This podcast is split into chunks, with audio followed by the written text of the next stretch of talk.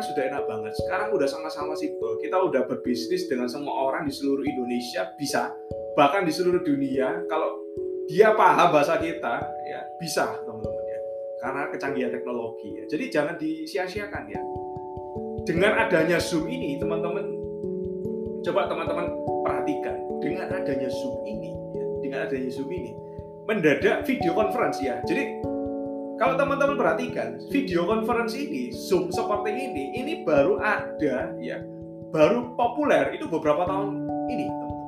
Padahal teknologi ini udah lama terjadi dan biasanya yang menggunakan teknologi ini adalah orang-orang perusahaan-perusahaan besar, Perusahaan-perusahaan kecil, UKM-UKM, entrepreneur-entrepreneur yang baru merintis gak akan afford ya, gak bisa mampu untuk bayar. Mahal, dulu teknologi seperti ini mahal Cuma perusahaan-perusahaan multinasional aja kalau meeting sama cabang di Singapura, cabang di Malaysia, cabang di Amerika, cabang di Eropa, cabang di Jepang, kumpul semua jadi satu meeting ya, conference ya, video conference seperti ini. Tapi sekarang kita udah enak ya. Jadi dengan teknologis, everybody bisa melakukan Zoom conference.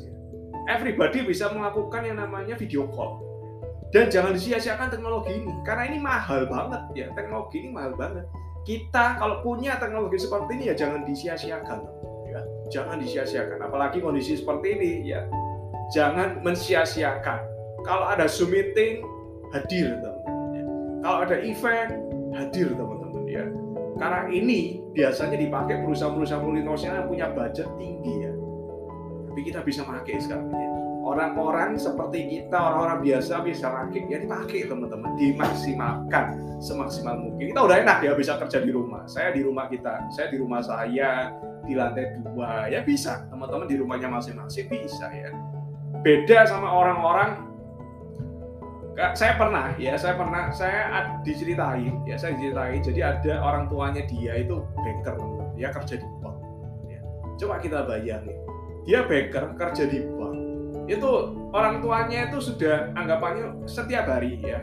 Setiap hari itu pulang pulangnya itu malam teman-teman ya. Jadi jam 11 jam 10 baru sampai rumah. Itu setiap hari every day ya. Senin sampai Jumat teman-teman Sabtu setengah hari. Senin sampai Jumat itu every day selalu pulang malam. Banker ya. Gak, ya setelah itu kairan juga ya.